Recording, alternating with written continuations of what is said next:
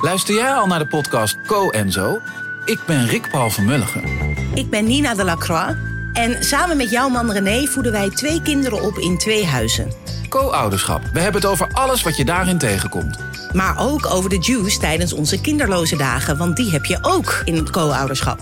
Een podcast voor alle ouders in alle vormen, maar ook voor alle mensen zonder kinderen. Zijn we eerlijk, heerlijk herkenbaar. Dus luister naar Co en Zo in je favoriete podcast-app.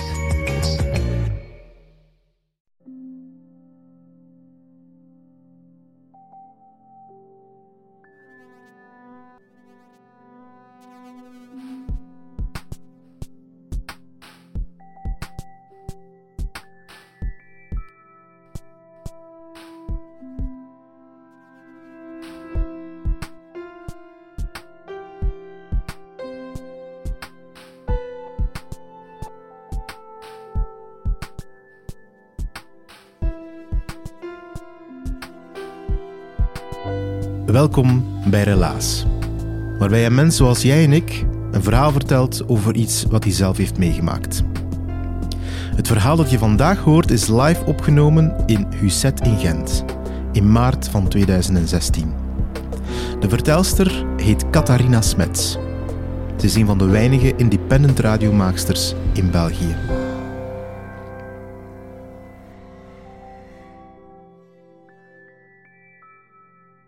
Mijn verhaal, mijn relaas, gaat over koffie. Iets vrij banaals, eigenlijk. Ehm, ik heb vrij laat koffie leren drinken. Ik moet een jaar of 26 geweest zijn. En ik werkte voor een ochtendshow op de radio, op de nationale radio. En uh, meer, ik was een uh, nieuwslezeres op die ochtendshow. Dus ik moest elke ochtend in het schemerduister rond een uur of vier, kwart over vier ten laatste, toch uit mijn bed zijn. Dan snel iets eten, de baan op. En dan rond vijf uur op de redactie en mij beginnen voorbereiden. Dat dan elke dag uh, een aantal maanden lang. Um, je moet je voorstellen, als je het nieuws moet lezen, krijg je ongeveer tien minuten op voorhand het, uh, zo via een nieuwsfeed het nieuws toegestuurd. En dan moet je dus beginnen als een, um, als een razende, beginnen ja, zinnen analyseren, beginnen na te denken van oké, hoe spreek ik dit uit en wat zou, ik, wat zou ik hier precies mee moeten doen en zo. En bij mij was dat met een stijgende angst. Want ik was echt heel slecht als nieuwslezeres. Dus um, oké, dus het nieuws was binnengekomen. Ik uh, bereid mij zo goed mogelijk voor. Ik ga de studio binnen. Ik haal eens diep adem. Het rode licht gaat aan. En ik zeg, goedemorgen, het nieuws met Catharina Smets. En dan gaat het echt bergaf.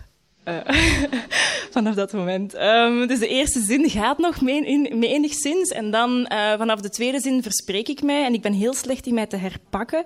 Dus dan begin ik zo in het duister te tasten naar die woorden die in gruzelementen van elkaar, uit elkaar zijn gevallen. En ik krijg ze niet meer bij elkaar geraapt. En dan met heel veel horten en stoten kom ik dus aan het einde van het nieuws. Oké, en dat dan drie keer per dag, want dat is van zes tot negen. En dat dan een aantal maanden lang. Uh, elke avond wenen in mijn bed. Dat kan ik je wel vertellen. Um, en ik denk dat het met faalangst te maken had, want uiteindelijk, ja, wat is het ergste dat er kan gebeuren als je iets verspreekt of zo? Eigenlijk is dat niet zo erg.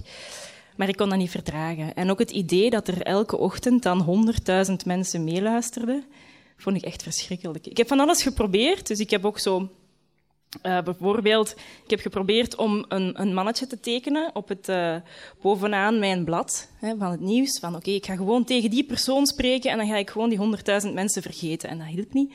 Um, dan heb ik ook geprobeerd om zo een beetje ergonomischer te gaan zitten. Zodat de woorden gewoon vlot zouden stromen. Dat helpt ook allemaal niet. Dus lang verhaal kort.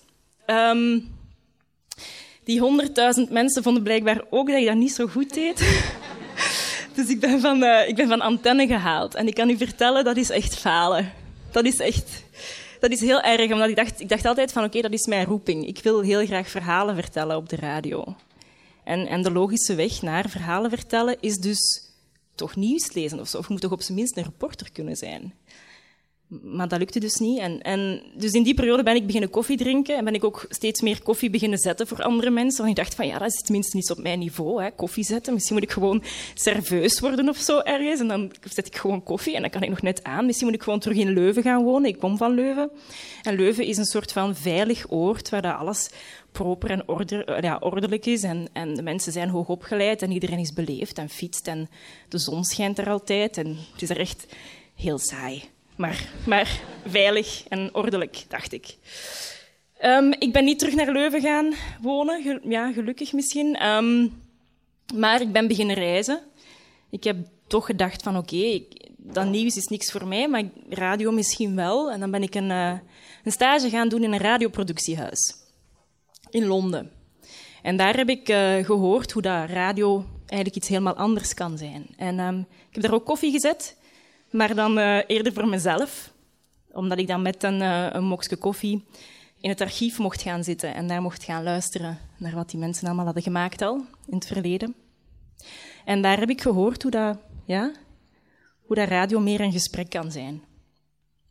En um, dan ben ik ook gaan, nog verder gaan reizen. Ik heb een tijdje in de Verenigde Staten gezeten, onder andere in de stad Detroit. Omdat ik dacht van ja, daar zal veel verhaal te vinden zijn. Daar ben ik ook vrij veel koffie gaan drinken bij mensen thuis, bijvoorbeeld, die ik was gaan interviewen. Of, uh, of bijvoorbeeld in mijn eentje aan de toog van een diner, waar je zo van die slappe refill koffie krijgt van een serveus. En um, ja, onder andere, uh, ik logeerde in een, in een klein huisje. Um, en mijn huisgenoot was Bill. En Bill um, was een soort van buitenwipperstippen, dus zo'n groot lichaam, klein hoofdje. En die maakte voor mij altijd van die Kroatische koffie. Ik heb dat nooit ergens anders gedronken, maar dat is blijkbaar de goedkoopste koffie die in Detroit te vinden is. Je giet een beetje gemalen koffie in een, in een kannetje. Dat zet je op het vuur met water. En die drap, die kook je dan.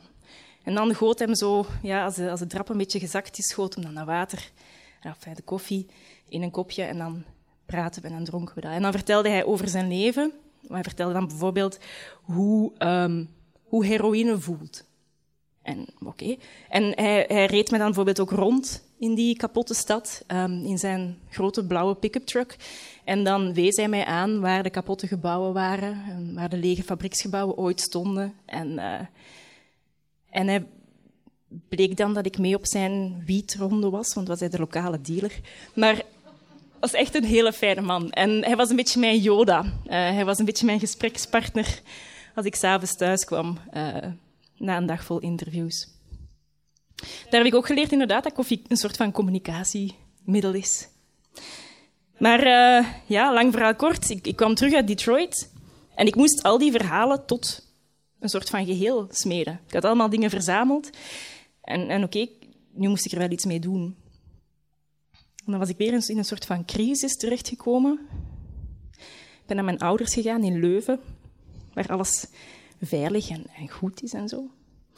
En in zo'n crisis is dan bij mij meestal een writersblok. Ik weet dan niet wat ik moet doen en zo. Ik ga dan op de grond liggen en alles is dan heel dramatisch, toch voor een dag of twee. En dan zeg ik van, ik maak niks mee. Waarom overkomt mij dit? Um, voilà. Dan, ik was bij mijn ouders dan. Het was uh, zondagochtend. Ik was vroeg opgestaan en ik, ik zit voor mijn bureau, voor mijn lege schrift. En uh, er komt niks. En ik denk, ja, ik zal maar naar buiten gaan. Ik ga op zoek naar koffie. Ik ga op zoek naar een kopje koffie in Leuven op een zondagochtend. En ik kan u vertellen, dat is een onbegonnen werk. Uiteindelijk op de grote markt, ik, uh, ik ben zo'n beetje aan het schipperen met mijn fiets tussen de, de kapotte glazen van de zaterdag ervoor. En uh, ik zie een café dat nog open is, denk ik, van de vorige nacht. Um, maar ik kan er op het terras gaan zitten. En ik wacht tot iemand mij komt bedienen. Maar opeens hoor ik, um, can I sit here? En ik, en ik kijk op en ik zie eerst een soort van vuile hand die een half lege pint vast heeft en heeft zo van die vuile randen rond zijn vingers. En, en die, daar bungelt ook zo'n zelfgerolde, uitgedoofde sigaret tussen. En ik zeg, uh, yes, sure. Um, yes, I had a party last night. Can I sit here? Yeah, the light hurts. We had a party in the Roomba. But it was really great, man. En ik, ik spreek eigenlijk Nederlands, maar ik ben blijkbaar een soort van vreemde geworden in mijn eigen stad. En uh, de jongen vertelt mij dat hij archeoloog was. En dat hij overal in Leuven een soort ja, opgravingen heeft gedaan. Uh, dat hij allemaal scherven op heeft gegraven waar dan niemand iets om gaf. En dat hij nu dakwerker was geworden. En dat hij dat heel leuk vond. Dat hij gewoon daken kon leggen voor mensen die het nodig hadden. En hij zag evolutie in zijn werk. En uh, hij was heel een dag buiten. En hij maakte wat mee, zei hij. Oké, sure, zeg ik. En er tikt nog iemand op mijn schouder. En ik kijk op en ik zie een soort van artistiek type, proper gekleed. En die zegt: um, Hallo, ja, ik ben van een filmcrew. En uh, we zijn een film aan het op opnemen. We zijn aan het shooten hier in het café hiernaast. En uh, wij zoeken een serveuse. Het is allemaal echt gebeurd. En uh, ik, ik, zeg: Oh ja, oké. Ehm, en ik, ik krijg een schort aangereikt. En in het café ernaast zit dus een filmcrew. Ik denk een soort van Russische filmstudenten. Heel bizar. En ik moet een scène spelen waarbij ik koffie geef aan een heel triestig kijkende schrijver. Dus een soort van artistiek schrijvertype met een beetje langer haar en een sjaaltje zo. En die kijkt mistroostig naar een leeg schriftje. En ik moet met heel veel dédain die koffie op tafel gooien. En, en we moeten het een paar keer opnieuw doen, want ik kan eigenlijk heel slecht met dit kijken. Maar na een tijd dan leef ik me helemaal in en zeg ik tegen mezelf van, ik kan dat zijn. Ik kan een serveus zijn in mijn geboortestad. En ik kan met misprijzen kijken naar iemand die denkt dat hij een schrijver is. Voilà. En uiteindelijk is het, set opgenomen. En ik krijg een koffie toegestopt van de regisseur. Ik wandel naar buiten en ik krijg nog een koffie door de, van de daklegger. Ik sta daar in de op de grote markt met twee koffies in mijn hand. En ik denk, dit wil iets zeggen. Dus ik, ik fiets naar huis en ik schrijf het allemaal op. En uh, ik dacht, ja, ik ga het, ik ga het misschien even voorlezen. Um, wat ik uiteindelijk nog heb opgeschreven.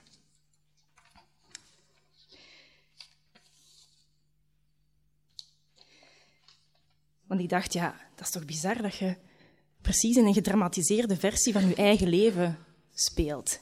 Niet? Oké, dus ik schreef het hele verhaal op en dit is het einde. Er zijn er die de wereld zien als een plek vol verborgen betekenis.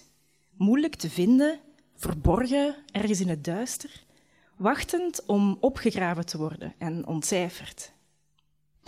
Er zijn er ook die naar de wereld kijken als een plek vol gevaar.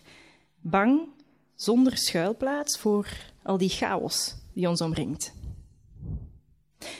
En er zijn er die proberen iets te maken van al dat ridicules, van al dat chaotische om ons heen. Een verhaal, als een dak boven ons hoofd of een uh, warme kop koffie in de hand. En dan is het verhaal af, volgens mij. Het is een verhaal over koffie.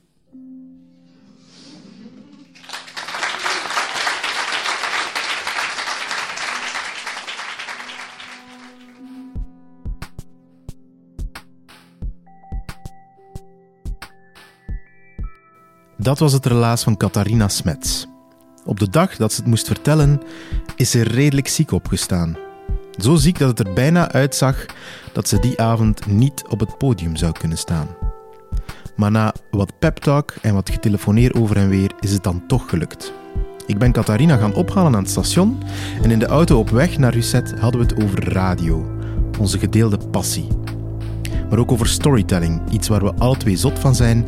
En aangezien dat jij luistert naar deze podcast, hoop ik dat je ook houdt van mooie verhalen. Een goede tip die Catharina me gaf was de film Story We Tell, gemaakt door Sarah Polly. Over verhalen, over hoe universeel ze zijn en wat het doet met een mens. Ook als je zelf geen mediamaker bent, hoop ik dat je het een mooie documentaire vindt. Iets wat ons trouwens ook allemaal verbindt, is de liefde voor een kopje koffie. En vandaar dat ik het verhaal van Catharina Smets zo mooi vond. Heb je zelf een mooi of herkenbaar verhaal, of misschien wel een bijzonder verhaal? Wil je iemand tippen die een goed verhaal heeft? Of wil je er graag zelf eens bij zijn als de verhalen verteld worden? Surf dan naar www.relaas.be en je komt alles te weten over ons, over de vertelavonden en over de podcast. Je kan trouwens ook alle andere verhalen beluisteren die we ooit hebben opgenomen.